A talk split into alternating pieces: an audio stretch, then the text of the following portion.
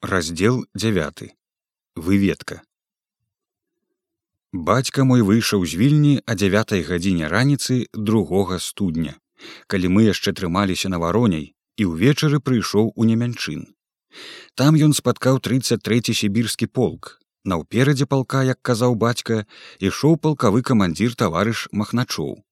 Бацька і падляцеў да яго хацеў за одну хвіліну расказаць яму што варонія абкружана заселі там такія дурні як яго сын мацей і перастраляюць іх там як курапатак калі не падысці хутчэй на дапамогу так ён мне пазней павядаў але я думаю што не назваў ён тады нас дурнямі і аб тым што сам ён меншавік напэўна не пахваліўся далікатненька помаўчаў хутчэй на дапамогу усяго ж 25 кіламетраў пад раніцу будзем там стараўся ён казаў расшавяліць таварыша махначова.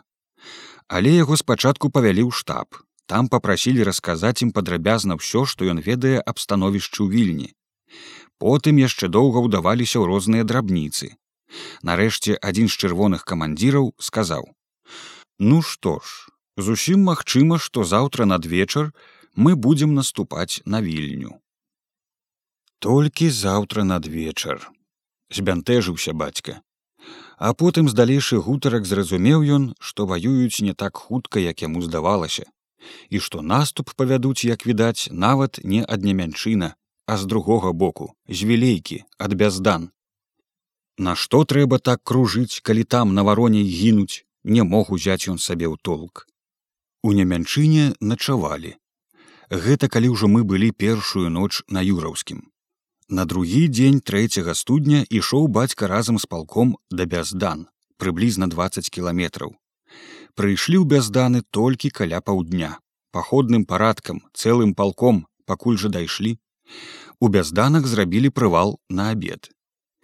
Ад бяздан да вільні таксама яшчэ кіламетраў 20 бацьку не цярпелася а камандзір палка таварыш махначоў яму і кажа пойдзеш з чырвонаармейцам у разведку бацька ахвотна згадзіўся.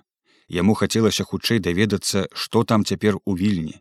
Выйшлі яны бацька мой і чырвонаармеец з бяздан пасля прывалу. Бацька быў у вольным а спадарожнік яго надзеўся як нямецкі палонны. На рукаве шынелькі жоўтая перапаясачка нашыта. Вось як быццам брыдзе сабе чалавек з нямецкага палону да сябе на радзіму кудысьці ў глуш палесся троху прайшоўшы зайшлі яны ў вёску, каб наняць фурманку. Ішлі міма аднаго двара глядзяць, а на падворку селянін з запрэжаным канём падышлі да яго. Пахвалёны, кажа бацька. Навекі амен, адказвае селянін, але і неахвотна і падазрона. Трэба нам да вільні, дай коня. А ён толькі прыехаў з лесу, дровы прывёз, яшчэ не ўсе і скінуў.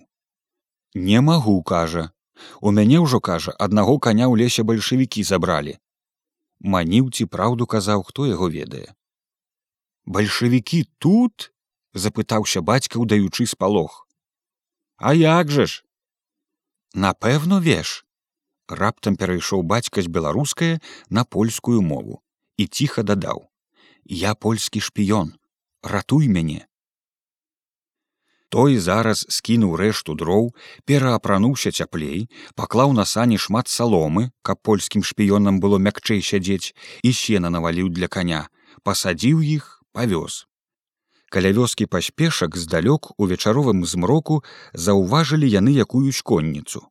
Паехалі гуськом крокам на ўзлешще бліжэй да хат вёз селянін на саначках дровы. Мусіць быў бедны не меў коня што ўпрокся сам бацька пытаецца ў яго. Як я там войско отож наша кажа. Польска кавалерія а селянін фурман пачуў і ціханька пытаецца. Можа да іх? І паказвае ў той бок куды накіравалася конніца. О не не зашаптаў бацька. Что ты? Мае справы сакрэтныя а каб не ўляцець з ім заплаціў яму 10 рублёў і адпусціў дамоў той завінуў грошы ванучку схаваў у кішэню пераклаў другую разоў колькі памацаў ці добра схаваў і завярнуўся-ткі і паехаў сваёю дарогаю назад. Дайшлі яны да вёскі гур. Вёска гуры потым дварчаны праз лясок ужо і дачы антокаль. Але цёмна ноч у горадзе ваенны стан. Дык параіліся і пастанавілі заначаваць у гурах і там кіламетры за тры-чатыры ад вільні яны і заначавалі. У вёсцы знайшліся ў бацькі даўныя знаёмыя сваякі дзядзькі туркевіча. Да іх і зайшліся. Свята каляды у хатах яшчэ гуляюць а пра вільню ведаюць мала. Кажуць што нейкіх бальшавікоў палавілі пастралялі.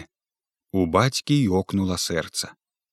А ці здалася варонія ці трымаецца яшчэ так такі нічога і не чулі нават о цямнота пытаюцца ці далёка чырвоная армія ці праўда што яна ўсіх гоніць у камунну бацька маніць што ён працаваў у лесе на пільні адкуль яму што ведаць На другі дзень чацвёртага студня раніцою гадзіне а дзявятай дзясятай прыйшлі яны на антокаль. Бачыць, польскія патрулі стаяць. Усё больш моладзь, вучні, панкі. Зайшлі ў гарбацярню, селі за розныя столікі. Бацька за адзін, чырвонаармеец за другі, як быццам і не ведаюць адзін аднаго. Скора заходзіць легіянер з польскаю павязкаю на рукаве, белая з малінавым.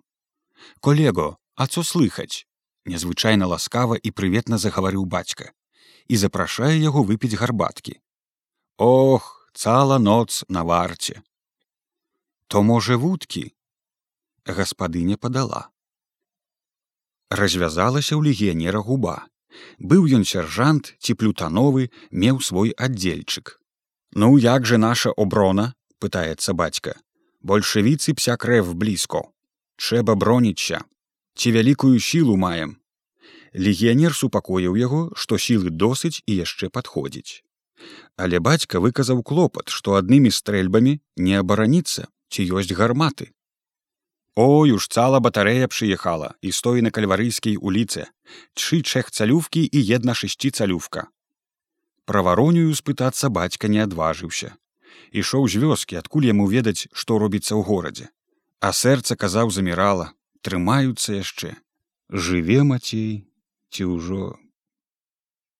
Развітаўся бацька з зюклівым ваякам і хутчэй засігалі на кватэру бацька наперадзе а ззаду воддаль але не астаючыся чырвонаармеец дарогаю купіў бацька ў кіёску газету разгарнуў і на першай старонцы прачытаў пра варонію не ўсё зразумеў бо ўжо відаць пісалі аб галоўным раней а гэта толькі дадаткі але панікнуў духам. Спазнілася чырвоная армія. Мусіць, пагінулі там усе. Вось і кватэра. Замок вісіць, няма нікога. Бацька да дворніка. А дзе мае, Юзя, Антоні. Дворнік сумна паківаў галавою. Дзе ж ты, браце, бываў, што нічога ты не ведаеш. Антонія бедалаку без цябе учора пахавалі, занеслі на росу. Як пахавалі? Дворнік расказаў яму, што чуў ад юзі, як пагінуў яе бацька. Пахавала юзя бацьку, а цяпер казаў сама ўсё дзесьці бегае, ды плача галосіць. А дзе ж ты гэта кажа бываў, што дагэтуль нічога не ведаеш. І дзе твой мацей, ці не папаўся часам з тымі на вароней. А што з тымі на вароней? пытаецца бацька, а ў самога казаў і сэрца замлела і ногі падагнуліся. Шкода яму стала і мяне і ўжо і ўсіх нас. Ды чалавек колькі галоўных самі кажа пастраляліся з роспачы а рэшту пабралі жывымі трымаюць на юраўскім пад замком судзіць кажа будуць на расстрэл пэўна засудзяць.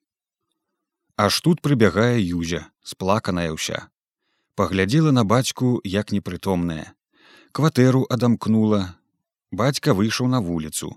Падаў знак чырвонаармейцу што досыць яму прагульвацца каля брамы можна зайсці Юзя ўсё расказала лепш, чым дворнік, і напалохала бацьку, што ўсіх нас, узятых жывымі, напэўна, расстраляюць. Так усе ў горадзе кажуць. Бацька доўга не сядзеў, хацеў зараз бегчы назад да чырвонай арміі. Але чырвонаармеец затрымаў яго, сказаў, што трэба пахадзіць па горадзе, больш чаго разведаць. І як пачаў бацька бегаць, дык прабегаў цэлы дзень, каб што разведаць і каб чым дапамагчы. Нідзе не знайшоў рады, а ў камітэце сваім нават палаяўся. Выходзіць увечары было ўжо позна.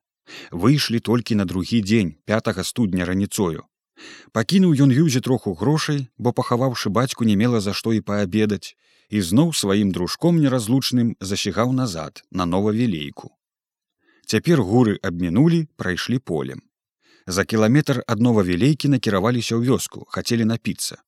Аж спаткалася дзяўчына куды вы пытаецца у новавілейку не дойдзеце бальшавікі застава прыйшлі на заставу павялі іх у штаб. Махначоў тут.